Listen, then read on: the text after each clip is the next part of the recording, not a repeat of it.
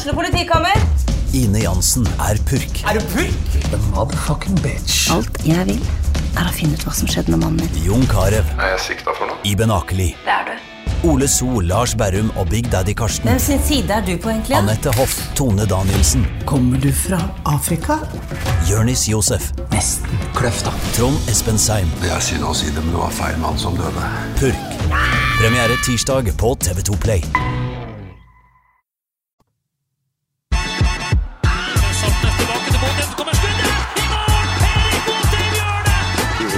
Er er.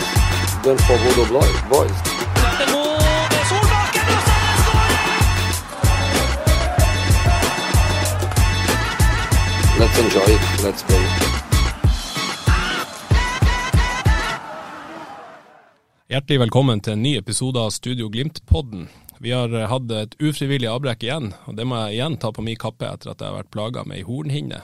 Onde tunger vil jo kanskje hevde at det har ikke så mye å si om du ser eller ikke, ut fra det jeg lirer ut av meg i dette studioet. Men vi har fått med oss eksperthjelp som skal bote på både dårlig syn og dårlig fotballforståelse. Så Trond Olsen, velkommen til, eh, til studio. Takk for det. Eh, Du har jo litt fartstid i Bodø-Glimt. Hvordan vurderer du eh, det du har sett til nå av Glimt? Nei, jeg syns jo vinteren til Glimt var, var veldig bra. Eh, gode resultater ute i Europa og eh, så et lag som var i progresjon og, og gjorde det ganske, ganske bra. Og vant fortjent mange kamper der. Um, og så har det vært litt, eh, litt labert eh, utover våren her, og i går kom jo en etterlengta seier, så eh, det har vært litt variert. Mm. Hva er de største utfordringene Glimt har spillemessig, sånn som du vurderer ut fra sesongen til nå? Nei, det er jo relasjonene, at de ikke har, uh, har uh, sittet helt, og spesielt da etter eh, ja, de her vikingkampene som, som var her med semifinalen og seriekampen mot Viking. Da, da det ble litt skader, karantener og, og diverse som, som har gjort at de har kommet litt ut av det. Og så har relasjonene plaga dem litt, og ikke fått det helt til å gli. Og så har resultatene uteblitt litt. Grann, og, um, da har de vært inne i ei lita blindgate som, som har gjort det litt vanskelig, og forhåpentligvis så begynner de å komme ut av det nå. Hvordan vurderer du Bodø-Glimts eh, kvaliteter når det gjelder å være med i medalje og kanskje gullkamp i år? Er det fortsatt sånn at Glimt er en kandidat til å gå helt til topps, sånn som du vurderer det? Ja, det, det syns jeg definitivt. Eh, eh, Glimt har absolutt et så høyt toppnivå at de bør være med og kjempe om den, den gull, gullmedaljen helt til slutt. Så um, avstanden opp dit er ikke så lang, og det, det er fullt mulig. Freddy Thoresen er også med oss i studio. Tradisjon tro. Uh, du skal få lov å prate litt etter hvert, men uh, først så skal vi bare slå fast at vi skal innom flere tema i dag. Vi skal innom Haugesund-Glimt, der Glimt vant 4-1. Fikk seg en solid seier på gresset på Vestlandet. Så skal vi innom eh, en diskusjon om nordlendinger i startoppstillinga og stallen til Bodø-Glimt. Der, eh, der er det mangelvare for tida. Og til slutt så skal vi også snakke litt om hvorvidt Glimt rullerer og roterer for masse på laget eller ikke. Eh, Men først en liten eh, jingle break. Saltnes tilbake til Bodø, så kommer skuddet! I mål! Erik det! Boys.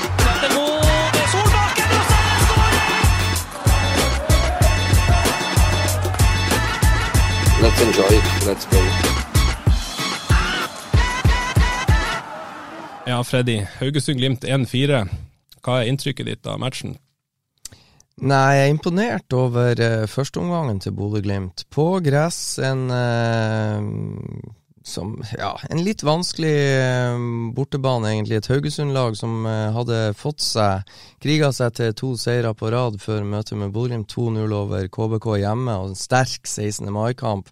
Vinner 4-0 i Skien mot Odd. og Proppfull av selvtillit så tar de, tar de imot da et Bodø-Glimt-lag som har slitt, ikke har vunnet i serien siden 5-1-seieren over, eh, over Vålerenga. Det å ja, etter åtte-ni minutter så skårer vel Sondre Sørli 1-0. Haugesund hadde et par fine sjanser før Bodø-Glimt gjør 1-0, men etter 1-0-skåringa til Bodø-Glimt og ut, ut omgangen, så syns jeg Bodø-Glimt var klart, klart bedre enn Haugesund, og de skårer 2-0 ved Runar Espejord og 3-0 ved Amahl Pellegrino. Og I den perioden der syns, så imponerte Bodø-Glimt meg. De sto høyt, de vant ballen høyt. Presset i midtbaneleddet satt bedre enn det har gjort. Og det var gode prestasjoner, fine skåringer. De eh, opp med alle tre, faktisk. Så, så syns jeg de faller litt tilbake til gamle synder i andre omgang. Eh, Haugesund får redusert etter eh, to minutter. og Så lugger det litt mer i alle faser av spillet, syns jeg, de siste 45. Men eh, de første 45 var såpass bra, og da var Bodø-Glimt til å kjenne igjen. Hva er det som gjør at denne kampen fremstår mye mer åpen enn mange av de kampene vi har sett de siste ukene? Ja, jeg skulle gjerne ha visst svar. For, for det som eh, Altså, Bodø-Glimt var solid i, i, eh, i um, førsteomgangen og, og setter trøkk, press, eh, vinner ballen høyt, skaper sjanser og har mye sånn tilløp til å skape farligheter. Samtidig så er Glimt sårbar eh, defensivt. Det, skal, det virker så det skal ganske lite til før motstanderen skaper store sjanser. og eh, det må jo sies at eh, Arlion eh, Hva han heter han? Eh, Badou, som han, eh, han kalles, som var prøvespilte for Bodø-Glimt sist gang de var i La Manga. Det begynner å bli noen år siden. Han dro videre til Florø og så til Sogndal og nå Haugesund. Han hadde jo sjansen til å skåre både én og to og tre ganger. Heldigvis var ikke han siktet hans finjustert. Men eh, det skal mindre til for å skape store sjanser på Bodø-Glimt. Og nå var Haugesund udyktig foran mål. Men um, Nei, det er jo relasjoner som Trond var inne på, som de jobber med. Og det er jo et Glimt-lag som har, har plagdes eh, i det siste. Men, men førsteomgangen var solid, vil jeg si, i Haugesund. Og da, da, var de som sagt til å kjenne igjen. Og så igjen så gjentar jeg meg sjøl, altså. Det, det, var litt tilbake til, til gamle synder etter pause, hvor presset i midtbaneleddet ikke var like eh, solid som det var før pause. og så går det litt på kvalitet. Altså når, når Victor Boniface kommer inn og gjør en god aksjon og slipper i riktig øyeblikk til Hugo Vetlesen, så slurver Hugo med, med mottaket, og Glimt eh, misser. Kan hende det er en humpete gressbane som gjør det, men førsteomgangen var jo såpass bra, så da klarte de det. Så det var bare mer slurv og mindre kvalitet etter pause enn eh, en før. Men det, det, er ganske naturlig når du har hatt en såpass god prestasjon i første omgang, og du har uh, skåret fire mål og har full kontroll på kampen. Uansett hvilket nivå du, du, egentlig går og ser det på. Ser du det i Premier League, og når lagene leder 4-0 til pause, så er det ikke den samme kvaliteten i andre omgang. og du, du, er litt mer kontrollert i alt du gjør. og så faller du kanskje de 5-10 prosentene som gjør at du ikke klarer å holde det opp og skape de enorme mulighetene som, som du gjør i første omgang. Det virker som Haugesund, eh, i langt mindre grad enn en del andre lag, har bestemt seg for å legge seg bakpå mur igjen. Det gjorde de jo eh, overhodet ikke.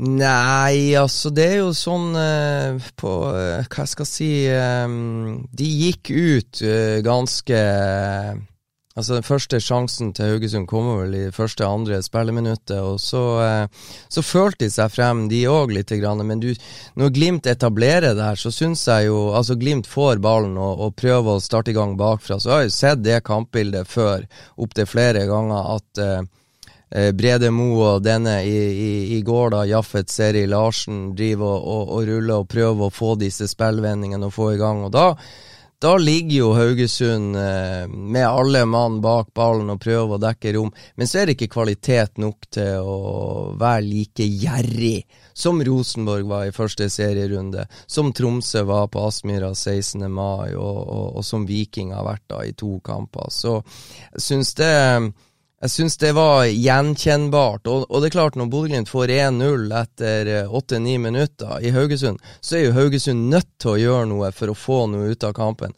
Da får Glimt, i og med at de får det tidlige målet, så er jo Haugesund De kan ikke ligge på hjemmebane og, og, og stenge og ligge under 0-1 og stenge rom. De er nødt, de blir tvunget frem. De blir tvunget til å på en måte gå litt mer offensivt uh, til verks, og det utnytta jo Bodø-Glimt eh, fra, fra skåringa kom og omgangen ut eh, før pause. Virkelig.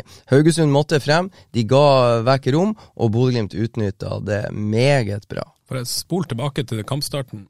og de første minuttene som du er inne på, for jeg merka meg en ting som jeg ikke har sett mye av Glimt til nå i år. Eh, et par baller rett i bakrom fra Brede Mo på Amahl Pellegrino. Den ene ender med skåringa til Sondre Sørli.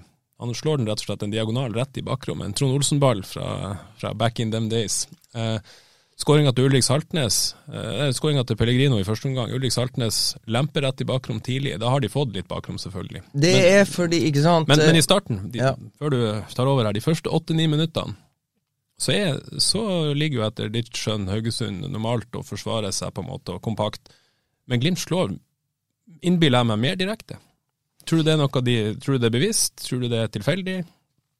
Ja, sånn som eh, du sikter til det første målet, så er det Og en situasjon rett før også. Ja. Det gjør det samme. Hvis du sikter til første målet, så tror jeg det er Brede Moe som bruker hodet. Han er en smart spiller, og, og jeg har ikke hørt, og, og, har heller ikke sett, at uh, Glimt skal begynne å slå uh, mer langt. Men jeg har savna det fra tidligere kamper. Litt eh, vanskelige gressbaner, så skal de ut og spille sånn som de alltid har gjort, og sånn som de liker. Det, men Så jeg tipper nå at det er Brede Mo som ser at eh, der er det plutselig mulig å slå en uh, litt lengre direkte til A-mål, og jeg tror eh, Brede Mo benytter den sjansen. Rett og slett fordi at han er en fotballsmart stopper, og ser at her kan det være en mulighet å gjøre akkurat det. Og i det tilfellet i går så var det jo rimelig bra. Trond?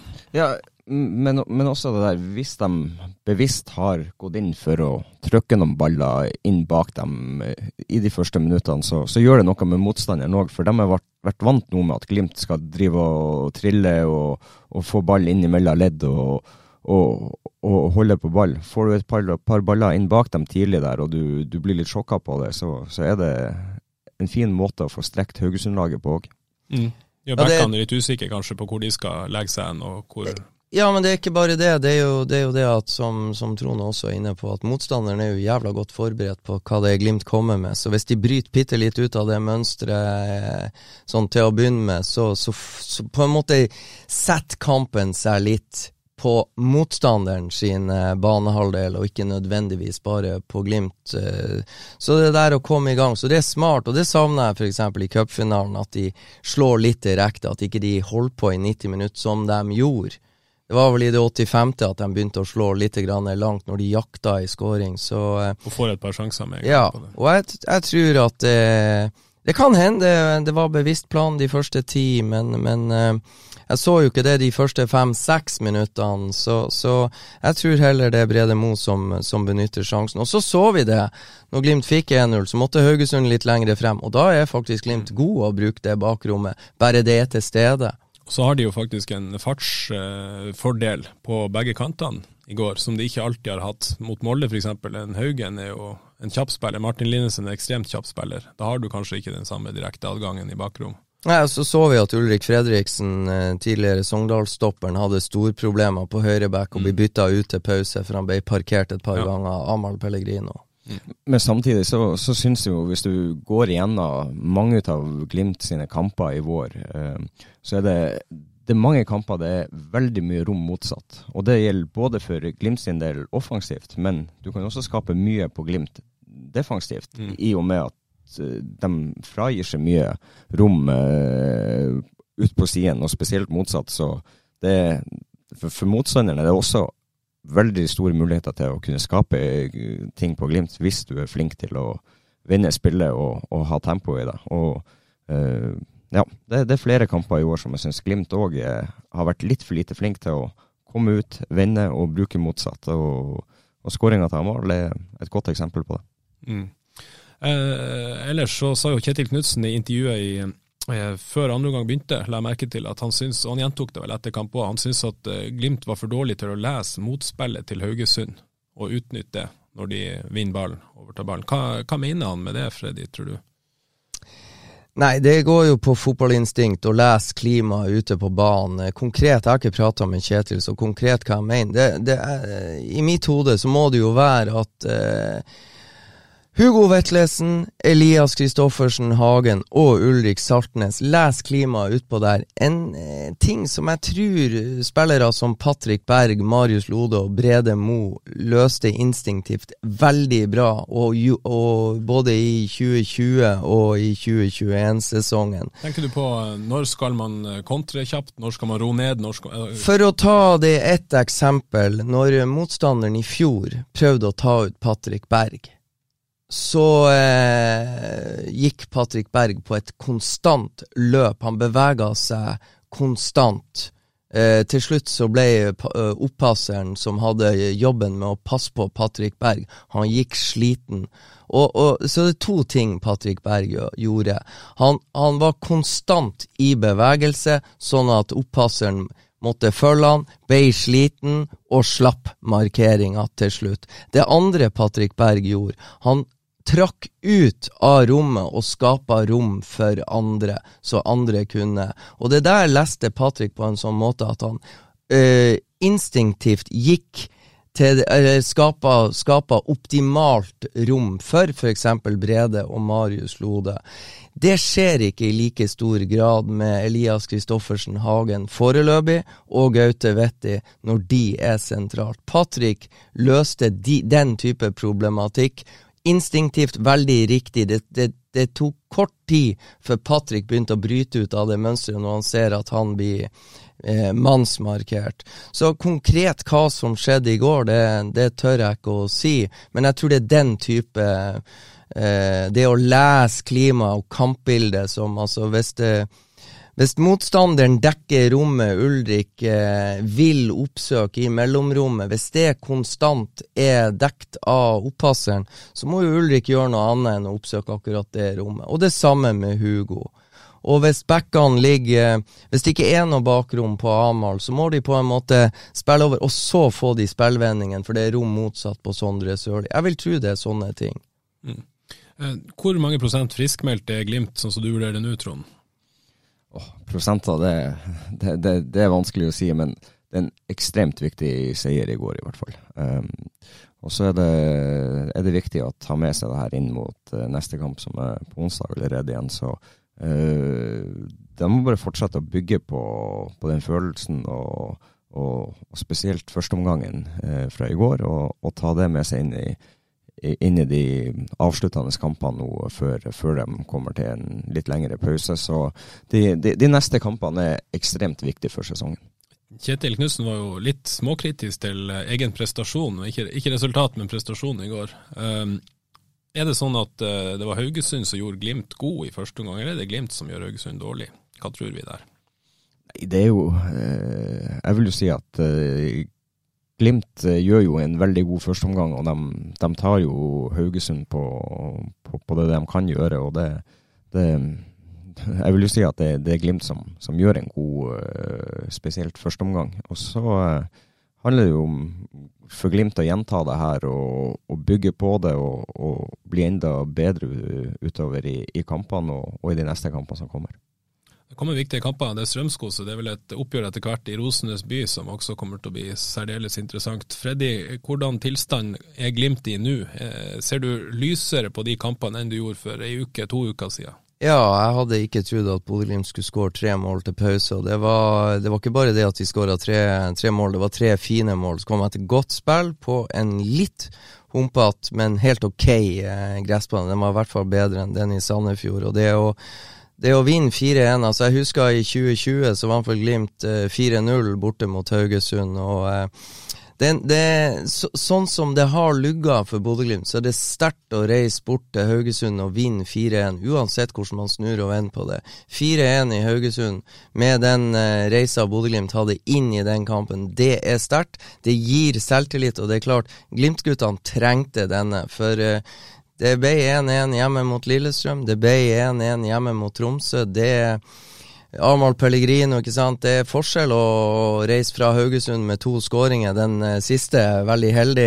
Eh, Førstemålet fantastisk, men eh, ikke sant, han har en bedre følelse å gå med to skåringer enn han hadde etter kampen mot Lillestrøm, hvor han har bomma på straffe. Så det gir selvtillit til spillerne, og det innrømte vel Amahl sjøl også etter Lillestrøm-kampen, at det kan være mangel på litt eh, selvtillit etter Altså, de har trøbla litt og har ikke hatt noen sånn voldsomt gode prestasjoner. Så jeg tror Glimt trengte dette, og de tar det med seg. Og forhåpentligvis så skal de bruke det godt inn mot Strømsgodsekampen. Og så må de heller ikke prate ned prestasjonen sin for mye, som, som jeg syns de til tider kan, kan, ha litt for mye fokus på at det, det alltid handler om prestasjoner. Det, det, det, er lov å si at ok, vi vi er veldig fornøyd med de første 60, og så er det litt så som så, men totalt sett så er det en god kamp av oss, og vi, vi vinner fortjent.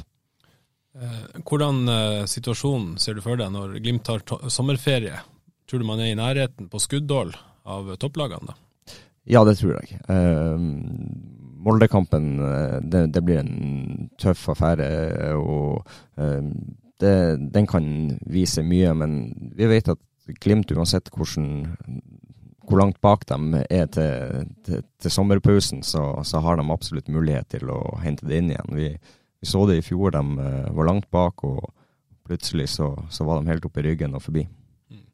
Vi skal snakke litt mer om, eh, om uh, hva Glimt skal gjøre med rotering og rullering på laget etter en liten pause. Men først så skal vi innom et annet tema som folk har etterlyst, og som er brennbart. Hvor mange nordlendinger er det i Glimt? Hvor mange bør det være, og hvor god kan Glimt være med nordlendinger på laget? It's more difficult for us than for Bodø boys. Etter at de bytta ut nordlendinger og sparka ut Trond her og alt, så har det jo gått bare én vei, så vi får tro jo færre nordlendinger, jo bedre. Eller, Freddy?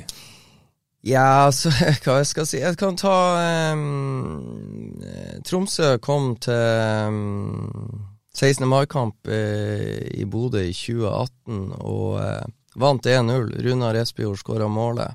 2018, vi er nå i 2022. Av de spillerne som var i troppen til Bodø-Glimt i 2018, så var det én spiller som uh, var med nå sist 16. mai-kamp, og uh, som endte 1-1 for ei lita uke siden, og uh, det var Ulrik Saltnes. Mm. Så det er klart det har vært enorme utskiftninger i Bodø-Glimt fra 2018 til 2022. Det er ganske mange spillere som er henta inn, og det er ganske mange spillere som er solgt. Men altså Ulrik Saltnes var eneste Glimt-spiller som var med i 2018, som også var med i 2022. Og jeg er klar over at Morten Ognes Konradsen og eh, Brede Moe var i tropp i 2018, men de var ikke med i troppen 16. mai. Så når det gjelder Tromsø, så var det vel fire stykker som var med i 2018, eh, som også var med i Tromsø sin tropp i 2022. Og så kommer vi da til årets 16. mai-kamp, hvor det er én nordlending i startoppstillinga til Bodø-Glimt, og det er Tromsø-spiller Runar Espejord som avgjorde 16. mai-kampen i 2018, så det er jo litt lettere ironisk. Glimt har jo hatt en strategi om at det skal være nordnorske spillere eh, i troppen, en prosentandel. Så har man jo også hatt en strategi om å være topp 20 i Norge. Nå er man litt høyere enn det, så kanskje strategien er justert. Eh, Trond, eh, hvor viktig er det å ha nordlendinger med på laget? Akkurat nå så er ikke det så viktig, for eh, klubben er oppe og uh, tar ligatitler og, og, og vinner ting. Uh, det er jo når det bikker over og går andre vei. Altså i, hvis du går fem år tilbake i tid, så var det ekstremt viktig å ha lokale uh, nordnorske spillere for å ha en identitet og en tilhørighet til, til, til klubben. Uh, går det bra, så bryr man seg jo egentlig ikke så mye om hvor, hvor, hvor folk kommer ifra. Så det, det er litt sånn her nei, hvor, man er på tabellen, holdt jeg på å si, som, som avgjør hvor viktig det er. Men personlig så syns jeg det er veldig viktig at vi har uh, lokale spillere. Vi har eh, eh, Bodø-gutter som eh, alle unge fotballspillere kan se opp til, og, som er forbilder, og, og, som genererer folk og interesser for, for hele byen. Mm. Ville du bytta eh, seriegull og europaeventyr med fem-seks Bodø-gutter i startelveren? Og ikke det jeg sa at vi skulle ha fem-seks Bodø-gutter i startelveren, men i troppen og i, i, laget. Men selvfølgelig, vi vil jo vi vil jo være oppe der og, og, og vinne de her eh, titlene og ha, spise kirsebær med de store guttene. Så, Så det, det er en, en, blanding av eh, eh, lokal tilhørighet og, og krydre det med, med, spillere som Philip Sinkernagel og Victor Boniface. og det, det, det er viktig. Eh, I 2020 så spilte jo Fredrik Børkan fast, spilte Patrick Berg fast, spilte Jens Petter Hauge fast. Uh, Ulrik Saltnes selvfølgelig spilte fast. Uh, det går jo an å vinne serien i Norge med tung lokal tilhørighet, Freddy. Uh, bør Glimt sikte høyere enn å bare ha Runar Espejord i startelveren mot Tromsø? Altså, Glimt bør ha som mål å ha eh, både, både bodøværinger og nordlendinger. Men det er klart det, med det tempoet eh, Bodø-Glimt har solgt spillere etter eh, både 2019 og 2020 og 2021, så tror jeg faktisk det er ganske umulig. For eh, befolkningsgrunnlaget i Nord-Norge er som det er. og Når du selger Vi kan starte med Mathias Nordmann, og så selger de Martin Bjørnbakk til Molde. Og så blir Trond Olsen og Thomas Jacobsen eh, De drar litt på årene og blir eh, pælma ut, for å si det sånn. Og så, selger, så fortsetter nå Glimt med sitt, og, og selger Patrick Berg, og selger Fredrik André Bjørkan, og selger Håkon Evjen. og og hvis man ser videre på det, så både Tromsø og Bodø-Glimt altså For Tromsø sin del, da, så fikk de opp Isak Aarøen Hansen, et supertalent oppe i Tromsø. Han blir henta til Manchester United når han fyller 16. Årets akademispiller i Manchester United. Ikke sant? Og så eh, blir eh, Brian Fiabema solgt til Chelsea før han har spilt en A-kamp. Uh, før han har fått vist seg frem for publikum på Alfheim i det hele tatt, egentlig, i Eliteserien. Og for Glimt sin del så blir uh, vil Andreas Schjelderup da til, til Nordsjælland. Så uh, og vi ser Elias Hoff Melkersen selges til Hibernian, og vi ser Runar Hauge selges til Hibernian, han også. Sånn at det er Når de når de selger så mange som de har gjort, så blir det ekstremt vanskelig og, og naivt å tro at man skal fylle på bare med nordlendinger. For um, til slutt så vil de ut, og, og, og da, um, da, står det liksom ikke så veldig mange på, på, uh, på plassene for å, for å, fylle opp. Så det er ekstremt krevende. Men, men målet må hele tida være at hvis det dukker opp en, en nordlending eller et, et talent, så, så, så, må man prøve å få tak i det og videreforedle den.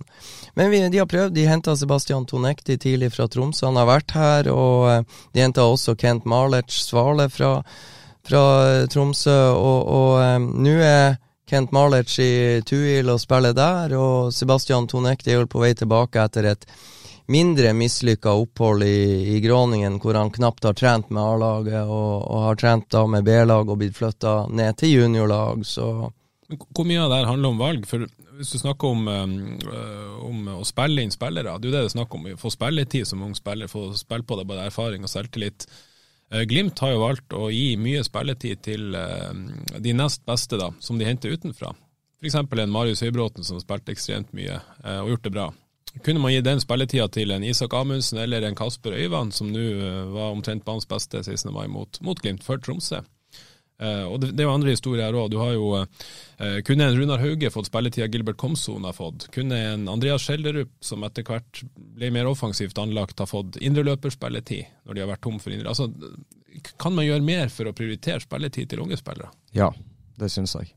Uh, økonomien i Glimt tilsvarer nå at du kan hente spillere utenfra på et mye høyere nivå enn du har gjort før. Og du velger heller å hente eh, spillere inn istedenfor å kunne bruke dem som ja, ligger helt i vannskorpa og, og, faktisk kan kjempe om en, om en plass, eh, i hvert fall i tropp, eh, og, og, få innhopp. Så eh, jeg mener eh, at det er en del uh, unge, lokale uh, Glimt-gutter som kunne ha fått mer muligheter enn det de har gjort. Uh, Isteden er det, er det andre utenfra som, som, faktisk har kommet inn og fått, fått, de minuttene. De som skal overta, de er jo borte.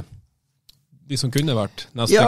Ta, jeg var jo sjøl på treningsleir med Bodø-Glimt i 2021 i Spania, og jeg registrerte jo det at Isak eh, Helstad Amundsen, som fikk en del kamper i 2020. Fikk en del innhold på, på tampen. Han var veldig ivrig på å bli lånt ut. Han og hans agent var veldig ivrige på at han skulle lånes ut. Først var det snakk om en enighet med Ålesund. De var da i Obos, og så kom Tromsø på banen. Og så vil Isak Helstad Amundsen til Tromsø. Han eh, Glimt slipper han til Tromsø på lån, og han eh, starter de første Første borti 20 kampene så er han med og spiller mye. Det, var, det snudde vel for Isak etter at han skåra mot Bodø-Glimt på eh, Alfheim, og eh, Glimt til slutt snur og, og vinner 3-2. I etterkant av det, da, da sleit Tromsø. Da ryker Isak Helstad Amundsen ut av det tidlaget, og Kasper Øyvand fra Bodø kommer inn og tar den plassen. Og idet Tromsø gjør det switchet der, så begynner de å plukke poeng, og, og plukke de poengene som gjør at eh, Tromsø berger plassen med grei margin. Og det er da jeg, jeg synes, altså det er Isak Amundsen som vil til Tromsø, for der får han mer spilletid. Før serien er kommet i gang i Norge. Og Glimt velger å slippe han. Da, så, så, Isak får jo den spilletida, og da spør jeg, tok han godt nok vare på den spilletida? Mm. Men kunne Glimt prioritert mer spilletid til enn Kasper Øyvand, f.eks.? Da hadde jo Glimt eh, bestemt seg for å, eh, å eh, Hadde gitt beskjed da til Kasper Øyvand på det tidspunktet, før denne treningsleiren, at de ikke hadde trua på han, og han signerte da for Tromsdalen. Og så spilte han for Tromsdalen. Og så spilte han såpass bra for Tromsdalen at han foran 2021-sesongen ble signert av Tromsø. Så eh, det er lett å sette med fasit i hånd, men på det tidspunktet Bodø-Glimt ga beskjed til Kasper Røyvann om at de ikke hadde trua på han, så hadde de jo Marius Lode og Marius Høybråten og Brede Mo.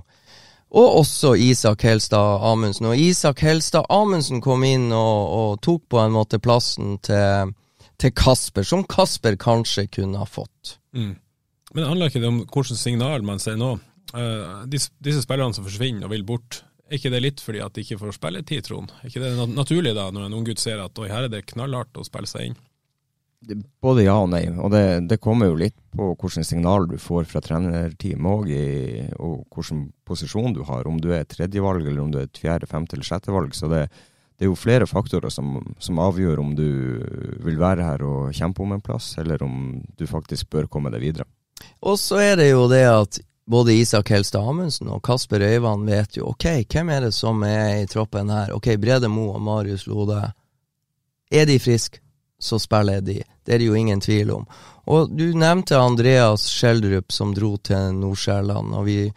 det er Andreas Schjelderup sin analyse før han velger å dra til Nordsjælland. Han ble jo etter hvert løfta opp av Kjetil Knutsen og fikk lov å trene med A-laget til Bodø-Glimt. Og han tok enorme steg i de to-tre månedene det her eh, eh, pågikk frem til korona kom, og han faktisk da ikke hadde kontrakt med Bodø-Glimt, som gjorde at når korona kom og de skulle trene i kohort, så fikk han ikke lov fordi at han hadde ikke kontrakt. Og det var ikke det var ikke Glimt som bestemte det, men det, du måtte ha A-lagskontrakt for å få lov å være i den kohorten på A-lagsnivå. Eh, så, men hans analyse var det at å, dæken steike Patrick Berg, det er skyhøyt nivå. Å, dæken steike Ulrik Saltnes er fantastisk bra. Å, fytte rakkeren, eh, det samme er Sondre Brunstad Fet. Så hans analyse var at de her er så gode, jeg har litt å strekke meg etter. Ja, jeg tror at jeg kommer til å få 15 minutter her og 20 minutter der av Kjetil Knutsen, fordi at Kjetil Knutsen sier at jeg skal få det. Men de her er så gode at noe særlig mer enn det blir det ikke. Og det er ikke nok for meg. Jeg må ha mer. Er det en situasjon Glimt bør være komfortabel med? At spillere tenker vi får ikke nok sjanser her til at det er verdt å bli, så vi får heller til en utenlandsklubb og slår gjennom der? Ja, si det. Uh, nei, uh, det, det, er jo litt sammensatt. Og det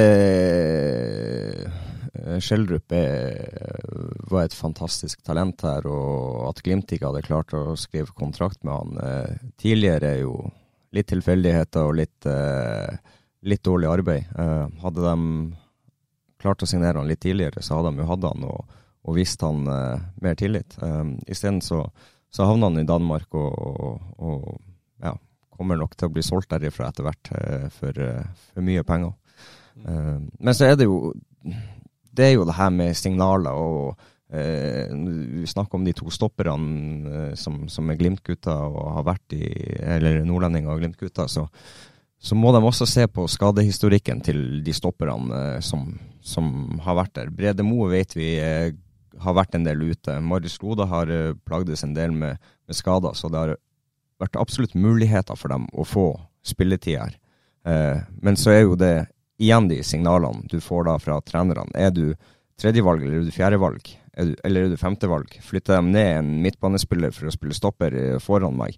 Eh, det er jo de signalene du, du må tolke ut uh, din situasjon ifra, og så ta et valg. Ok, her er, er, veien for lang til at jeg kan være, så da må jeg prøve å få spilletid en annen plass. Hvor realistisk er det at Glimt kjemper på det nivået man gjør nå, med ja, tre-fire nordlendinger i elveren? Det er veldig realistisk. Vi har jo nettopp vært der. Vi har jo hatt eh, Patrick Berg, eh, Bjørkan, vi har hatt eh, ja, Jens Petter Hauge. ikke sant? Det, Håkon Evjen. Håkon Evjen, ja. Det, det, har vært ganske mange lokale både Bodø-gutter og, og, og, nordlendinger i det laget som, som har vært og kjempa ute i Europa. og det, det, er fullt mulig å få det til igjen, men da må du også klare å få dem til klubben og få matcha dem eh, sakte, men sikkert inn og, og, gi dem tillit. Ja, jeg kan spørre dere begge to. Eh, Bodø-Glimt solgte etter 2021-gullet, så selger de Patrick Berg. De selger Erik Botheim, han er jo ikke nordlending da, men, eh, og de mista Fredrik Bjørkan, og de mista Marius Lode. Laget skal styrkes. De har vunnet to seriegull på rad. De vil være med, og de er med i Europacupen. Og de vil være med på denne eh, hylla. Hvilke nordlendinger ville dere to ha henta til klubben foran 2022-sesongen? Dere følger jo godt med og vet, vet eh, en del nordlendinger rundt omkring. De henta Runar Espejord og Anders Ågnes Konradsen. Hvilke andre ville dere ha henta? Mikkelsen i Tromsø. August Mikkelsen i Tromsø. Vi må dit. Vi kunne jo spilt inn Kasper Øyvand, men det blir veldig billig nå. Jo, men ikke sant. Dere, dere trekker, dere ja, trekker men, linja opp til Tromsø. Men nå snakka du om, eh, om, å hente Freddy. Jeg har et annet spørsmål. Ja. Når Amor Lajoni blir solgt midt i sesongen, i uh, sølvsesongen er det vel, hvis jeg husker rett, 2019, så kommer jo Jens Petter Hauge inn der spiller et halvår. Han snur ikke opp ned på noe som helst det halvåret der. Han er passelig god. Får, og For de som satt på myra den høsten, så husker man ukvemsordene og kjeftinga etter bommene til Jens Petter Hugge og pasningsfeilene og det ene og det andre. Og Han hadde noen ok kamper, og han hadde mange dårlige kamper. Han hadde vært på lån i Ålesund. Men han hadde, han hadde, en vesentlig ting. Han hadde, han, mål, han hadde mål og målpoeng, selv om han eh, kanskje ikke eh, skapte stor applaus eh, blant publikum, så var han skapende. Ja, det kan, det kan du si, men likevel. Eh, det finnes spillere som har levert langt bedre enn det og ikke fått tillit over tid. Eh, Hauge fikk jo tillit et halvår det halvåret der vil jeg påstå er ganske viktig for den 2020-sesongen. Det er helt rett, men Glimt hadde identifisert han og hadde trua på han og hadde bestemt ja. at han skulle få sjansen. Burde Glimt identifisert at Kasper Øyvand heller enn en annen stopper som hentes fra, for penger et annet sted, burde fått de sjansene? Burde Glimt identifisert at det er en Jeg skulle, jeg skulle ønska svaret var ja. Problemet var at det kom en som heter Isak Helstad Amundsen, som på det tidspunktet var hakket bedre og fikk de sjansene Kasper Øyvand kunne fått. En annen ting er at Kasper Øyvand drar da til Tuil og spiller i andredivisjon, og jeg tipper han utvikla en, del av de, en del av sitt eget spill som kanskje Glimt-trenerne hadde håpa at han skulle utvikle. Men, men um, Og så har han da utvikla det videre i TIL, og det syns jeg er jækla bra. Men så blir det OK, skal vi da kjøre Kasper Øyvand og, og Isak Helstad Amundsen fra start i kamp etter kamp etter kamp i Eliteserien. Du er veldig svart-hvitt nå, Freddy. Ja, det, nei, jeg, det er ikke der vi er. Marius Lode er ute Skal Marius Høybråten hentes for å spille 35 kamper, eller skal den spilletida gå til en annen? Og For å ta et eksempel, ikke for å ta Marius Høybråten som har gjort det veldig bra. Altså, det, Finnes det en balansegang der, eller er det sånn at Glimt er ufeilbarlig og alltid gjør det helt korrekt? Og, Nei, nei de, det er ikke det jeg sier, men, men jeg ser ei utfordring at du har to Du har Isak Helstad Amundsen, så har du Kasper Øyvand, som spiller i samme posisjon. På samme måte som Fredrik André Bjørkan. Heldigvis, han hadde ei for hans del. Han var venstreback, og det Bodø-Glimt valgte å gjøre, de valgte ikke å hente inn en udiskutabelt førstevalg på venstreback, fordi at de visste de hadde Fredrik André i rekkene, som var på en måte identifisert. Han skulle få sjansen. Så han hadde ei helt annen reise, faktisk, enn Patrick Berg hadde, og Jens Petter Hauge hadde. Så det, går, det, det blir litt sånn tilfeldigheter også. Hvilken posisjon er det? Og, og så syns jeg på en måte når, når eh, Fredrik André Trond spilte vel litt med Fredrik André både i 2016 og, og 2018, og ser jo at han tar steg i 2019 og 2020. Ja, men da, når han tar steg, det er når han begynner å få spille i den posisjonen han skal spille i. Ikke sant. I 2016, i 2017 så spiller han indreløper, han spiller høyre kant, han spiller venstre kant, han spiller back. Han, han er litt overalt, og da, da tar han ikke de stegene han skal ta. Og så får han jo spilletid når de kjemper. Altså I 2017 så spiller han en del, men i 2018 så kjemper de jo i bunn. De kjemper jo ikke i gruppespill. I, altså Det er jo et annet nivå han spiller på da. Det er jo lettere, er det ikke det, å gi sjansen til noen gutter enn Ja, det er jo det, men, men det vi snakker om her i forhold til øh, å hente inn nordlendinger og, og, og Bodø-gutter inn på laget, det er jo det er ikke at de skal inn og spille kampene fra start nå. De skal jo være i troppen og i laget. Du skal jo matche dem inn. At de er der på trening, at de utvikler seg, at de kan bli spillere som på sikt går inn og blir gode eh, internasjonale spillere i Glimt. Ser dere de spillerne når vi ser eh, i underskogen under A-laget? Trond, har du identifisert noen som Altså Har Glimt på gang disse erstatterne som de kan gi disse mulighetene til? Eh, Akkurat nå så ser jeg ingen der. Eh, men nå har jeg ikke så fryktelig god eh, innsikt i 15-16-17-åringene som er der. Men eh, sånn som jeg ser det nå, så, så er det for få, og det er for lite ut av dem som er eh, oppe og hospiterer hos eh, A-laget og, og har muligheten til å utvikle seg så mye. Holder det med tredjedivisjonsfotball for B-laget? er jo et annet spørsmål. Hva du mener Freddy? Er det, nok, er det en god nok arena for å utvikle toppspillere? Eh, nei, antageligvis så er det ikke det. Det er veldig mye bedre i andredivisjon. Men eh, Bodø-Glimt og andre, andre lag i Eliteserien sliter med å få eh, andrelaget sitt opp på andredivisjonsnivå. Så eh, nivået er mye bedre Skal det Tromsdalen si? Ja, så det er klart hvis Junkeren hadde, hadde rykka opp i andredivisjon, så hadde det jo sikkert eh, vært greit å låne ut noen spillere dit. Hvis Junkeren hadde gidda å ta imot de. Men, eh, men det er klart at Kasper Øyvand eh, nøyt godt av å spille andredivisjon for eh, Tromsdalen. Og det var god nok utvikling til at Tromsø da valgte å og gi han eh, en ganske billig kontrakt, som forhåpentligvis blir økt eh, lønnsmessig for Kasper sin del etter hvert som han viser vei i vellinga fra start i Eliteserien for TIL. Glimt har jo forsøkt å låne ut spillere til førstedivisjonslag Ask Kjæransen Skau, som var litt uheldig i, start i fjor, og Elias Melkersen, ikke minst, som herja i Ranheim før han forsvant. Ja, det er, jo, det er jo det som er veien å, å gå. De må låne ut sine spillere til førstedivisjonsklubber. Ask ble skada, og eh, Elias Hoff Melkersen bøtta inn mål og ble toppskårer for eh, Ranheim og ble solgt på direkten til Hybørn igjen. Burde han kanskje vært forespeila noen flere kamper? Eh, Når det gjelder Trond, jeg vet ikke, men jeg, jeg syns jo faktisk at, at eh, Elias Hoff Melkersen er en slags eh, Det må jo være en anerkjennelse til Glimt-akademiet, det at de henta han fra Stjørdal i en alder av 14-15 år av Cato Hansen da han var i akademiet. Identifiserer han, har han i, i akademiet til Bodø-Glimt, og så blir han da lånt ut til Hødd i andredivisjon den ene høsten, skårer en del mål, kommer tilbake til Bodø, trener med Glimt, blir lånt ut året etterpå da til Ranheim, og eh, der blir han lagets toppskårer, og blir faktisk såpass god at han blir henta til skotsk Premier League og, og um, Hibernian. Det er jo en slags suksess, suksesshistorie, selv om han ikke spilte eh, A-lagsfotball på Aspmyra for Glimt. Hva er løsninga, Trond, for å stille enkle spørsmålet? Hva kan Glimt gjøre for å få opp flere lokale spillere?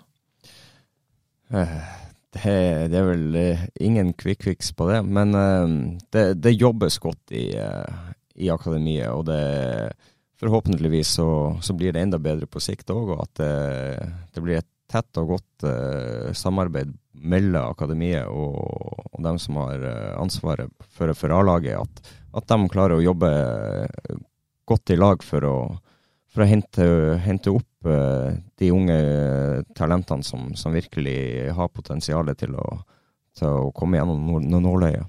Mm. Vi skal snakke mer om uh, Glimt-akademiet ved en senere anledning. Jeg er helt sikker på de er akkurat, uh, eller de er i ferd med å gjøre endringer i ledelsen. der Greg Broughton har jo avslutta sitt engasjement med, som akademisjef. Det skal vi komme tilbake til. Freddy?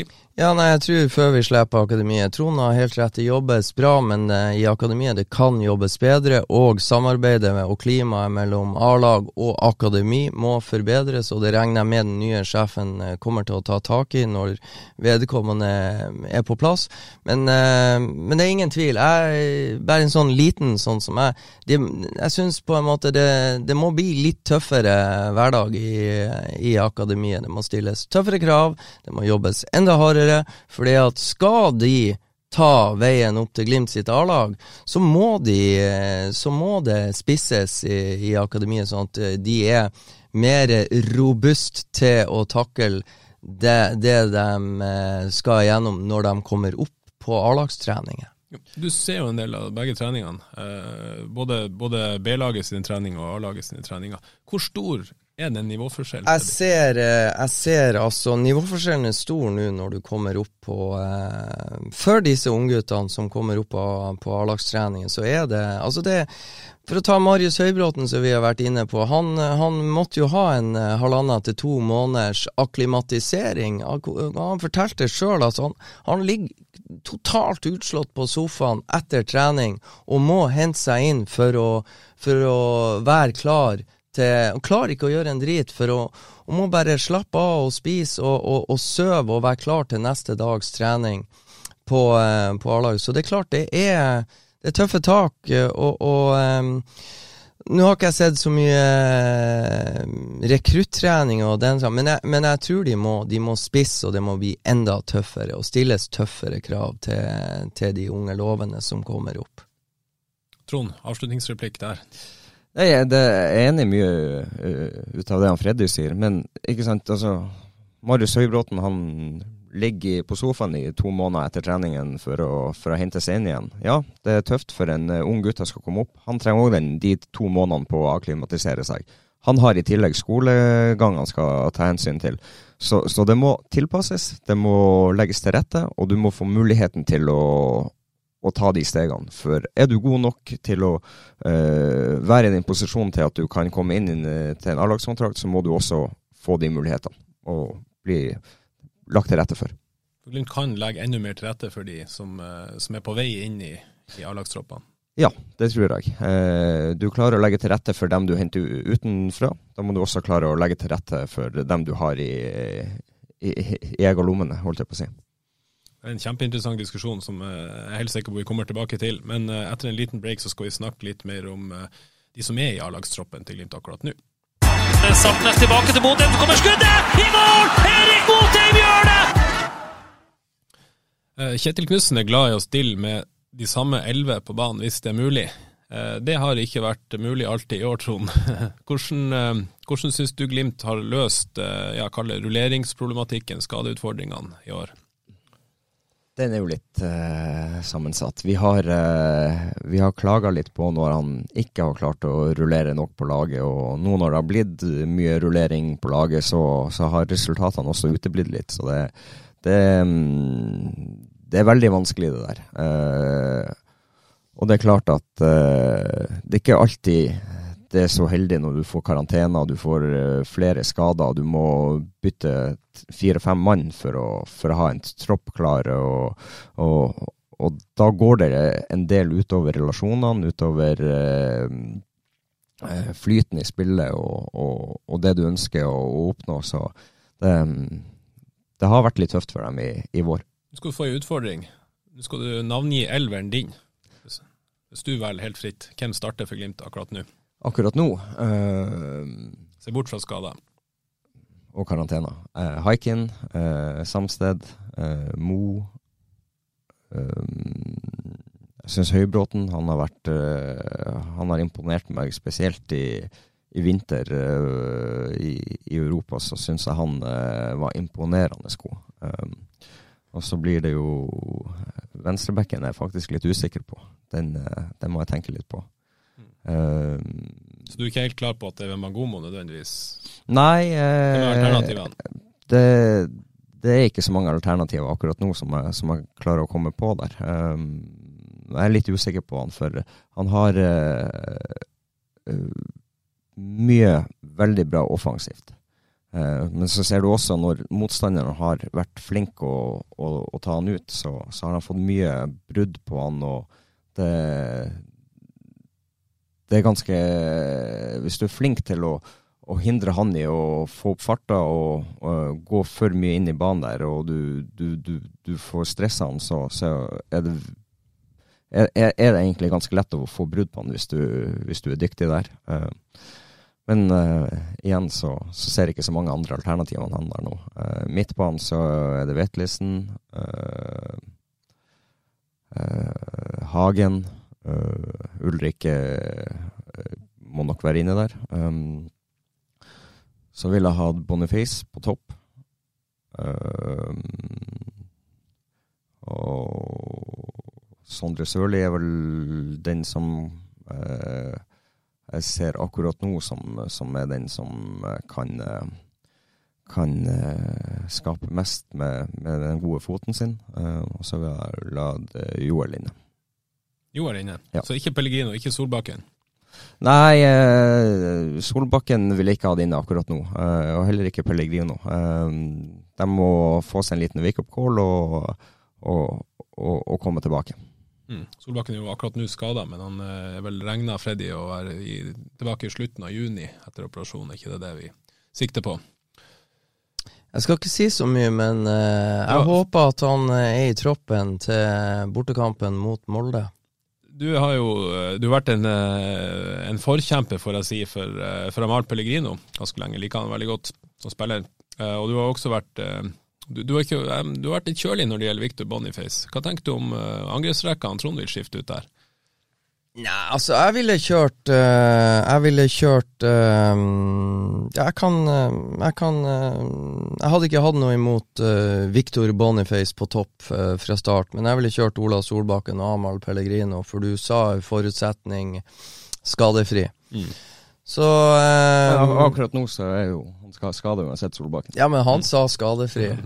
og eh, jeg tror Ola Solbakken kommer tilbake eh, fortere enn vi, vi aner. Men uh, skadefritt så ville jeg hatt Ola og ja, jeg kan si Viktor og um, Amahl Pellegrino. Uh, for det, det er X-faktor, så det holder uh, på de to kantene. så jeg er enig med han Trond at hvis ikke Amahl eller Ola leverer, så vil jeg kanskje på et litt tidligere tidspunkt eh, altså gitt eh, Joel Mbuka um, 25-30 minutter, hvis ikke Amahl har løst uh, rollen som ønska de den første timen. Og så syns jeg det er interessant å høre Tronds vurdering av Bris Mangomo, men vi har en backup på back, og det er Morten Ågnes Konradsen, som jo har vært skada lenge, men du sa jo hvis folk var skadefri.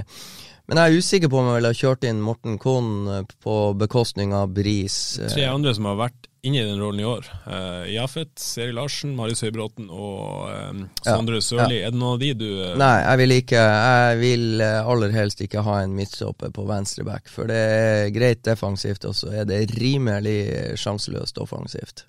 Mm. Og du er nødt til Du erstatter ikke Fredrik André Bjørkan med en midtstopper. Det kan jeg bare garantere. Hvor problematisk er høyrebeinet til Eller ikke høyrebeinet, men mangel på venstrebein for Bris Magomo? Han, han er veldig høyrebeint. Ja, det hemmer han litt. Eh, samtidig så, så, gjør han veldig mye bra når han kommer inn med, med, med høyrefoten. Men, men, i det defensive, og når Glimt har slitt, så har det vært litt problematisk. Og det har eh, ja, eh, kommet noen pasninger som går både utover sidelinja og rett i, i motspiller, så det, det er ikke optimalt. Han slo jo for øvrig ballen inn til Ulrik Saltnes før Espejords skåring. Så du hvilken fot han brukte da, Freddy Thoresen? Nei, det la jeg ikke merke til. Det var en eh, klokkerein venstrefotpasning som uh, antyder litt hvordan muligheter du har hvis du har to bein. Ja, det, som blir, det som blir interessant fremover nå, hva vi har, Trond, uh, hvor langt inn i uh, mai er vi kommet? 22., 23., 24.? 23., er det ikke det? 1. juni så er det vel sånn at uh, et par spillere kan uh, signere for uh, hvem de vil. Det er jo et par spillere i Glimt som går ut av kontrakt. Alfons Samsted, Amal Pellegrino, Nikita Haikin blant Ola. Og Ola Solbakken. Så, så, det er klart det blir, det blir, jo et overgangsvindu etter hvert som åpnes vel 1. august. Og det blir interessant. Altså, for dere spør du spør Trond hvem vil du ha på sideback, og poenget mitt er at de har jo egentlig bare to sidebacker. Alfons mm. Hamsted og Brisveen Mangon. De har to høyrebacker. Ja, spesialister. Det er bare de, har, som er... de har to mm. høyrebacker, mm. ikke sant. Det, det, var en tanke fra Knutsen å omskolere Sondre Sørli, og Sondre Sørli har jo vært inne på, på venstreback noen, noen minutter, deriblant også i cupfinalen. Men uh, så ser det jo ut som nå, ikke sant, med, med skader og, og, den slags, så blir på en måte Sondre Sørli nå dyrka på høyre ving igjen. som han ble Begynte å våkne til liv? Ja, ikke sant. Skåra sitt første mål etter korsbåndoperasjonen, og det er jo kjempegledelig. Men, men uh, det er problematisk å bare ha to rene høyrebacker på høyre og venstre back og, og Morten Kohn har vært skada, og, og så videre og så videre. Han er jo heller ikke egentlig back. Nei, han er indreløper, sant. Uh, så, så um, der må nok en back eller to uh, inn i den troppen her, og ikke minst hvis uh, Alfons Samsted ikke forlenger kontrakten. Så da kan det jo plutselig være Bris Wembangomo som blir høyreback og en ny venstreback, ikke vet jeg. Men uh, med Amahl Pellegrino og Ola Solbakken så er jo spørsmålet er Gilbert Komson, er Joel Muka god nok? Er det Sondre Sørli? Eller skal det hentes nye kantspillere? Det blir mye spennende å se. Ja, men du er ganske sikker på at på lista til eh, Åsmund Bjørkan, Håvard Sakariassen, Kjetil Knutsen og de andre som jobber med det her, så står det noen backnavn når sommervinduet smeller opp? Garantert. Det, det må stå en venstreback der. Eh, for mest sannsynlig, i, i mitt hode, så, så, kommer Alfons til å forsvinne i løpet av uh, det her året. Om, uh, uh, om det blir noe i sommer eller om det blir etter sesongen, det, det det vet man ikke, men, men, jeg tror han kommer til å ta, ta steget videre. Um, og så er det jo Solbakken. Uh, hva skjer med han? Uh, mest sannsynlig er han også borte. Uh, om det blir sommer eller om det blir etter sesongen, det vet vi heller ikke. Så det, det er veldig mange spørsmål på, på akkurat de her tingene. Mm. Hvor mange tror du forsvinner i sommer, Freddy? Eh, det er Altså, Glimt eh, trenger vel strengt tatt ikke penger, så hvis ikke Alfons Samsted eh, forlenger, eh, hvis ikke Nikita forlenger, og hvis ikke Ola forlenger, så tror jeg fort at Glimt kan komme til å beholde de ut året og slippe de gratis, som de gjorde med Fredrik André Bjørkan og Marius Lode. Så er det som avgjør om uh, Ola eller Alfons eller Nikita blir sluppet før sesongen er over, er jo størrelsen på det budet. Blir det et bud som blir så avskyelig høyt at Glimt er pokka nødt til å uh, Altså, det er for mye penger til at ja, man ikke Men også har det litt å si med Champions League-kvaliken òg. Uh, det har også noe å si her i forhold til eh, Går du videre, og, og, jo nærmere du eventuelt kommer en Champions League, jo vanskeligere er det for spilleren òg å forsvinne. Mm. Det er en bra utstillingsvindu å få et gruppespill i ja, helt klart. Og, og Bodø-Glimt hadde eh, bud på Philip Sinkernagel. De hadde flere bud på Fredrik André Bjørkan, og de lot være å selge. For, og med viten og vilje, altså. Fordi at det er bedre, høyere verdi. Og kjempe om et seriegull, da er det jo fort 25, 000, 25 millioner på konto. Og går du videre i Europacup og går inn i et gruppespill, om det er Champions League eller Europa League eller Conference League, så er det jo enorme verdier i det. Og da trenger du ikke å selge en spiller for 17 mill. nå. Ja, men det er heller ikke bra å la fire spillere bare forsvinne eh, gratis etter sesongen. Eh, kommer det et bud i sommer, så må man også vurdere hvert enkelt bud og hva man har i dekning, og hvilke spillere man har på vei inn. Så eh, du, du, kan heller ikke bare si nei takk til 20 millioner. Nei, det, det, er akkurat det, og det er et supert poeng. For Glimt kan ikke drive butikk sånn som å, å vært bidige år. De slapp Philip Sinkernagel gratis. Det var én etter gullet, altså etter gullet i 2020. Etter gullet i 2021 så slipper de Marius Lode og Fredrik Bjørkan gratis. Og hvis de etter det tredje gullet på rad skulle måtte slippe Olav Solbakken, Alfons Samsted, Nikita Haikin gratis, så, så, er ikke det veldig bra. Så de må, de må bruke eh, hodet og fornuften og cashe inn der de kan og prøve å finne timing, men det er vanskelig. Og så er det et signal til de spillerne du eventuelt skal hente. Ok, her. Uh, Glimt de selger ikke spillere. Hvis jeg signerer her i tre år, så er jeg låst der i tre år, og da må jeg gå gratis. Jeg har tre år på å prestere meg for å komme videre ut i, i verden. Mm. Ja, det, det, var jo en diskusjon bl.a. med Kasper Junker-situasjonen osv., der det var forskjellige oppfatninger av hva som var lova. Han forsvant for en solid bråte penger til slutt. Uh, med, med ja, Fikk du med deg Kasper Junker i forrige uke? Nei, det fikk jeg ikke med meg. Nei, da våkna han endelig an. De lå under 0-3 på hjemmebane eh, etter 32-33 minutter. Og kampen endte 3-3, hat trick av Kasper Junker i andre omgang. Kosa seg?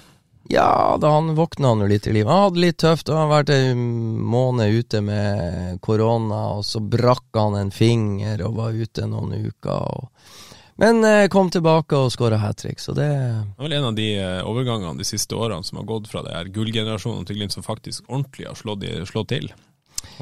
Ja, det begynte bra, og så har det lugga, lugga mye. men det er Derfor at sier endelig så våkna han. Det var en uh, første, første, opptur i 2022, men igjen om Kasper Junker. Han la nå igjen 2-23 millioner til Bodø-Glimt, så det var jo bra. Mm. Men med det, det, her i bakhodet, den situasjonen rundt usikkerhet på forskjellige posisjoner, på dekninger, på spillere som kanskje forsvinner, og på spillere som kanskje kommer inn. Eh, hvordan tror vi Kjetil Knutsen tenker når det gjelder eh, rullering? Kommer han til å f.eks. gi Joel Mvuka mer spilletid fordi at han kommer til å måtte steppe inn på et tidspunkt? Det kommer jo helt an på, på skader og eh, situasjonen i laget. Eh, karantener og ja, til syvende og sist form òg. Men eh, Kjetil han er veldig glad i å bruke den samme elveren og, og, og kjøre den, den samme startelveren. og han har ganske sterk tro på at det han har satt opp som lag, det, det skal fungere. og da, da, har han ganske lang tålmodighet med, med, det laget før han endrer på det. Mm.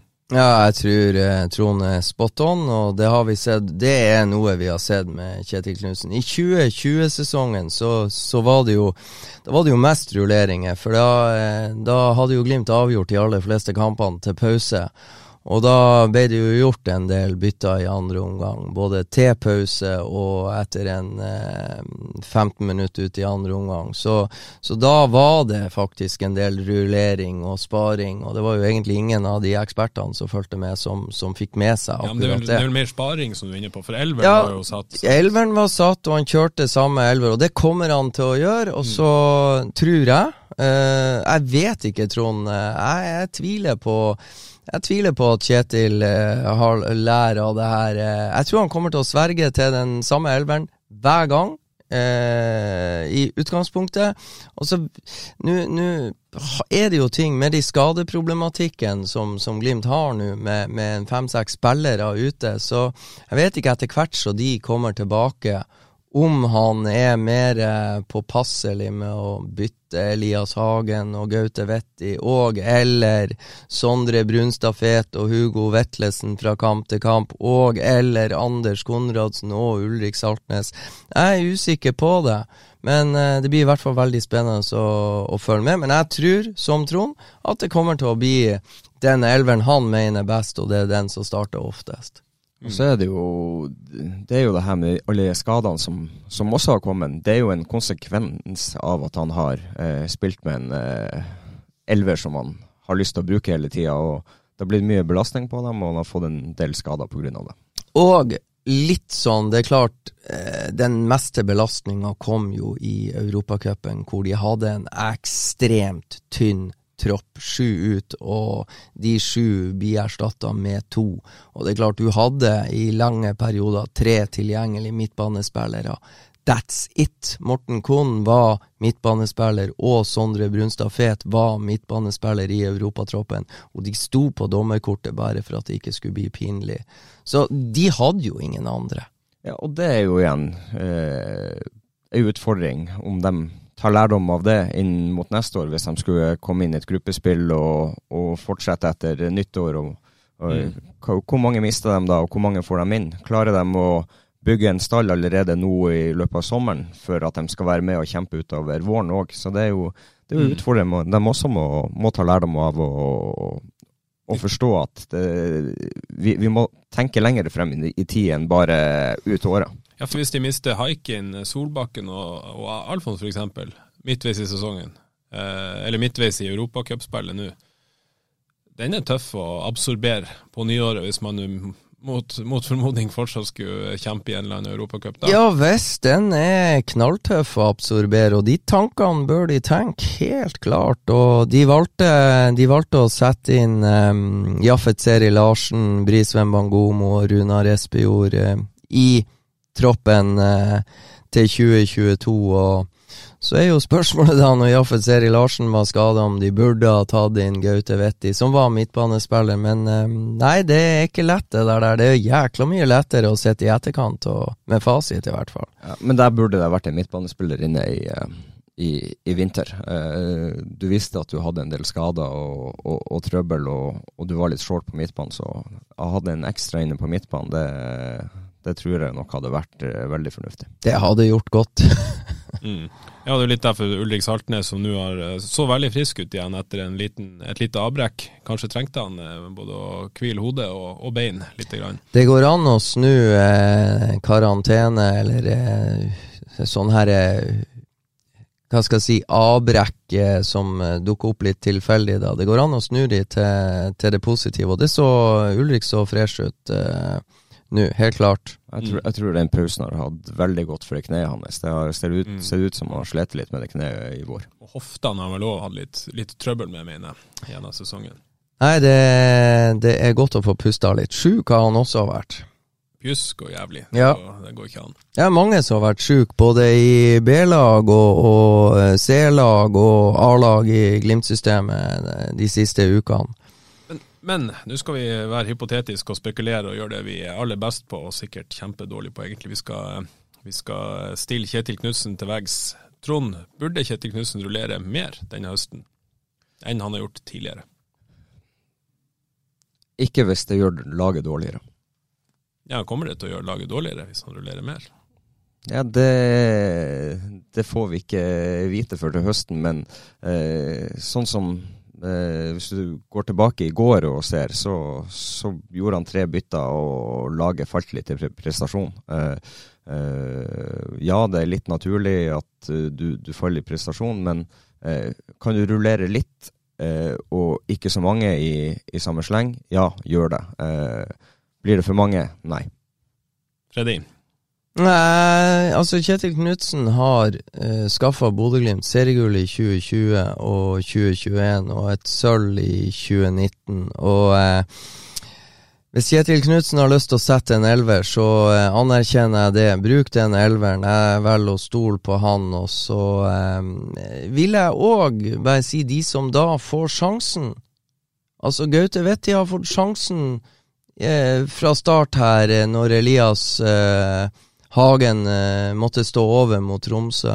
Og jeg skulle ha ønska litt bedre kroppsspråk og litt mer fandenskap i, i Gaute Vetti, og bare gi beskjed at jeg har pinadø lyst til å ha denne plassen. Jeg husker Jonas Kolstad sa det en gang så fint. Eh, i 2019-sesongen. Da fikk Nikita Haikin eh, spille hjemme mot KBK.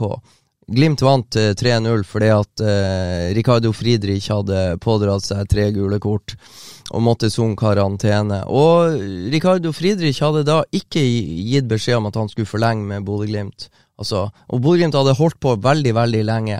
Jonas ønska å, å på en måte utfordre Nikita. Har du lyst til å spille siste bortekamp mot Molde, der de skulle hente sølvmedaljene? Og Nikita var litt sånn der avventende til akkurat det. Derfor valgte Jonas Kolstad å sende inn Ricardo Friedrich fra start i siste bortekamp mot Molde det året. Så det der Jeg vil at de som får sjansen å banke på døra, skal gi krystallklar beskjed til treneren om at jeg vil spille. Hugo Vetlesen er en som sto i det og ga kraftig beskjed både på trening og i de kampene han etter hvert fikk spille. Så nå blir det interessant. Men han fikk jo spille først og fremst fordi at til slutt, da, pga. skadeproblematikk. Ja, og nå og nå, Sondre Brunstad Fett, gir han klar beskjed at han vil inn? Gir Gaute Wetti klar beskjed om at han vil inn når Elias sliter litt? Det så vi jo i cupfinalen. Ga Gaute Wetti klar beskjed at den plassen her vil jeg ha? Gir Marius Høybråten klar beskjed? Gir Jaffet Seri Larsen klar beskjed? Det blir opp til dem som får sjansen. Joel, fantastisk innhopp. Det var kort mot Tromsø, men det var jo outstanding. Men det handler om å gi beskjed når du får sjansen. Hva med de som spiller fast, og kanskje ikke, i hvert fall på regelmessig basis, gir det sånn klokkeklar beskjed om at denne plassen er min? For det er jo noen som har spilt seg gjennom dårlig form, spilt seg gjennom fysiske mangler osv. Ja, personlig så syns jeg Hugo Vetlesen var god før pause i går. Jeg syns ikke han var god i andre omgang i går. Og det må Hugo være nøye med, for hvis Sondre Brunstad Fet eh, blir spilleklar her, så tåler ikke Hugo så mange andre omganger som mot Haugesund. Det er bare sånn et eksempel. Jeg vet han kan så mye bedre. Er det ikke et sånt press òg, Trond, hvis du vet at ok, nå må jeg inn, jeg har 20 minutter på meg, nå må jeg faen meg levere fyrverkeri her, ellers så, så, går det to uker til neste gang jeg ser gressmatta. Er ikke det to, ubehagelig? Det går fort fire uker òg, så. Nei, jo, det du, du, er nødt til å Når du kommer inn og du får muligheten, så, så må du gi, gi gjerne og i hvert fall vise at du vil. Om du ikke får til alt, så, så, så er nå det greit, men du må i hvert fall vise at du er villig til å gå gjennom ille vann for den plassen der. Det er, holdning, det er holdninga, liksom. Det er, det. Ja, det er tøft, det, men det er tøft. Det er tøft å være i troppen til et av Norges beste fotballag. Og, og eh, det er tøft i seg sjøl å være i den troppen. Det er det som er jobben, det er det som er hele greia. Du er nødt til å earn the right to play. Så enkelt er det. Og treneren har sine, og det er vi enige om, jeg og Trond, at det er klart, Kjetil, altså hvis du er i, i det gode selskap til Kjetil Knutsen og er i elveren, så får du tillit over tid. Du kan ha en dårlig kamp du kan ha en dårlig omgang, du får start neste. Den tilliten og den tryggheten får de. Eh, det var også suksesskriteriet til Nils Arne Eggen og andre gode trenere i Norge. Og da er den som, eh, når du, når du er i tropp og får sjansen, så er du nødt til å levere. André Hansen i gamle dager, når han kom fra Skjervøy og fikk sjansen, så ga han jo beskjed. Jeg vil ha denne plassen. Han spilte seg inn. Trond gjorde det etter hvert når han kom fra Lyngen. Og Trond Fredrik Ludvigsen brukte kort tid når han kom fra Alta. Spill godt nok, da setter ikke treneren deg ut. Så enkelt er det. Mm. Og så skal jeg komme ut av skapet som en av Norges største Victor Boniface-patrioter. Jeg syns jo han er helt fantastisk å se på. og Jeg har jo sagt før at jeg mener det ligger mer oppside i å la han få den samme spilletida som Runar Espejord gjør, enn å gi Espejord den. Men han, jo, kom, men, han kom inn eh, mot Haugesund i går. Ja, jeg, og leverte et helt forferdelig innhopp. Ja, han var forferdelig i går. Og han, eh, han, eh, han hadde fantastisk mål mot uh, Rana FK i cupen. To, to fantastiske, og en fantastisk assist. Ja, han, han Og så hadde han jo tre-fire sjanser han kunne skåra på som han ikke var i nærheten av. Med det, med det unge midtforsvaret som Rana FK stilte på banen, så det hadde vært en Stig Johansen i en alder av 30 som har møtt det forsvaret der til Rana, så hadde han Stig skåra fem mål, og ikke to. Ikke... Og, og Runar Espejord han hadde en, til to Han hadde et par sjanser i går. Den ene hamra han i mål. Flott skåring, flott skudd. Og den andre hamra han i, fra 25 meter i tverrliggeren og over. Vi skal, vi skal kjøre her til Espejord-showet, men mitt problem er kanskje at han har vanskeligere for å bli involvert når kampen ikke kommer til han. Ja, han, er for, det... han er for usynlig i lange perioder enn for, for, min smak. Og jeg skulle ønske at de her spissene Det er en jækla interessant eh, duell mellom de her to spissene, og jeg skulle ønske at de hadde pusha hverandre enda mer, og vært grådigere. Mm. Begge to. Trond, Du ville valgt Viktor, hvorfor?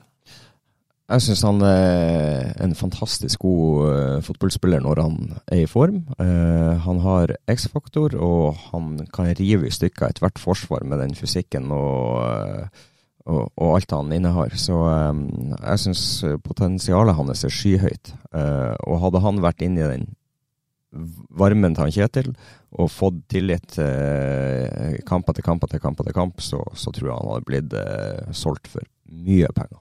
Jeg er enig med han Trond. Det hadde vært eh, Vi har snakka om Jens Petter fikk eh, Når Amor eh, dro til, til, Tunisia, så fikk Trond ti kamper og vokste på det. Og da Trond dro til AC Milan, så fikk Ola ja. Jens, Jens Petter, kanskje? Ja, Jens Trond har aldri vært i AC Milan. Da Jens Petter dro til AC Milan, så fikk Ola sjansen, og han vokste på det. Og det hadde vært Jeg er helt enig. Det hadde vært utrolig spennende å se Victor Boniface i ti kamper på rad, og Problem. se hvilken utvikling det hadde blitt. Problemet er vel faktisk at begge de to er jo um, du, du, ser det ikke nødvendigvis på noen av de at dette er noe de har skikkelig lyst til. For det er jo noe med kroppsspråk og hva skal jeg si, altså personlighet og sånn som på en måte er hva skal jeg si, Det er litt sløkkis på begge to, er det ikke det? Altså bare sånn, De ser jo litt sånn slapp ut på banen. Ja, kanskje, men igjen, eh, jeg skulle, skulle gjerne ha likt å det, det er fascinerende det der med å få ti kamper over tid, og hvordan tar du vare på de kampene? Hvordan er utviklinga? Hvordan utvikler samhandlinga seg med, med, lagkamerater? Hvordan er det det her? Hvordan relasjoner kan det bygges opp, det her som, som man får med et lite blikk? ikke sant? Runar Berg i gode gamle dager eh, hadde Trond Olsen på venstre og får ballen og kalker han over til, i retning Trond i blinde.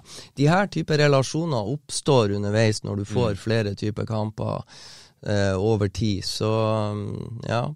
ja. Som du sier, så er det spillere som har spilt en del og vært opp og ned, og ganske mye ned også. I fjor, første halvdel av sesongen. Da var det Ja, så det ser, ser Gil, Gilbert Komson syns jeg har fått en del kamper nå, eh, flere enn i fjor. og han sliter fortsatt med å, når han skal legge inn og, finne ut hvor er Runar, hvor kommer bevegelsene.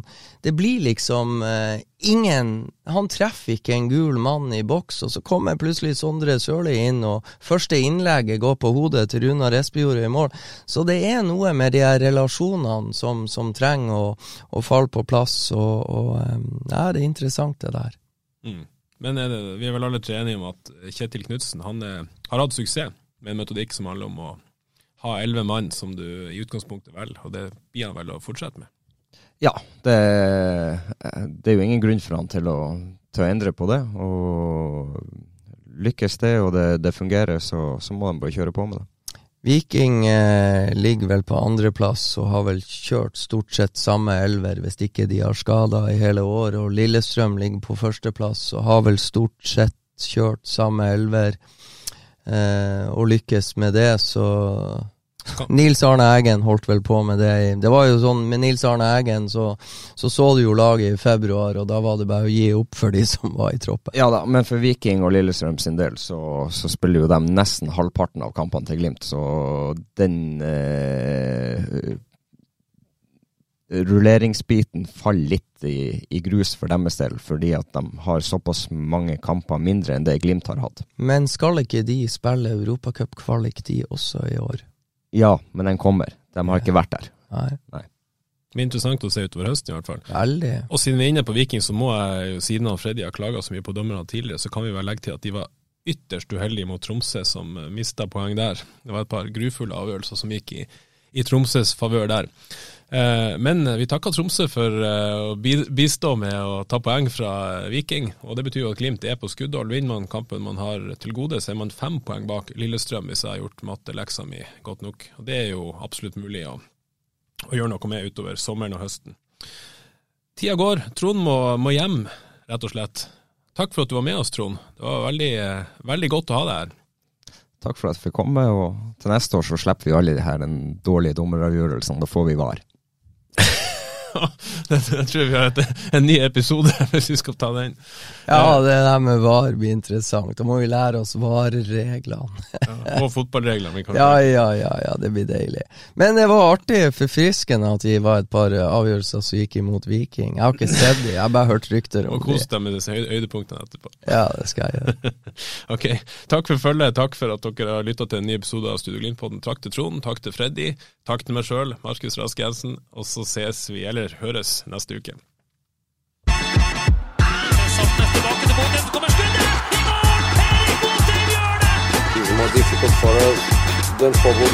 Boys.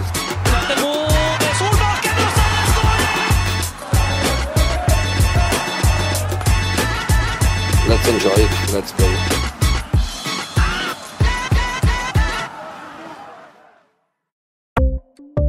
Ukens annonsør er HelloFresh. HelloFresh er verdens ledende matkasseleverandør og kan være redningen i en travel hverdag. Mange av oss har nok vandret i butikken både sultne og uten en plan for middagen, som ender med at vi går for de samme kjedelige rettene gang på gang. Middag burde være dagens høydepunkt. Som HelloFresh kan du nå velge mellom 25 ulike retter hver eneste uke, eller få HelloFresh til å sette sammen menyen for deg. Dette gir deg muligheten til å prøve nye og spennende retter alene eller sammen med familien. Du velger antall porsjoner og får alt levert på døren på et tidspunkt som passer for deg. Oppskriftene er enkle, og maten er lett å lage både for store og for små. Ved å få alt levert hjem får du også mer tid til å dele matgleden med familie og venner. Kanskje det frister med asiatiske tacos eller greskinspirert kylling? Da kan jeg anbefale deg om å gå inn på hellofresh.no. Her kan du bruke koden FOTBALL og få opptil 1779 kroner i rabatt på de første fem matkastene hvis du ikke har prøvd Hello Fresh tidligere. Du kan også bruke rabatten hvis du har vært kunde og stoppet abonnementet ditt for tolv måneder siden eller lengre. Gå inn på hellofresh.no og bruk koden FOTBALL. Har du et enkeltpersonforetak eller en liten bedrift? Da er du sikkert lei av å høre meg snakke om hvor enkelt det er med kvitteringer og bilag i fiken, så vi eh, gir oss her, vi. Fordi vi liker enkelt.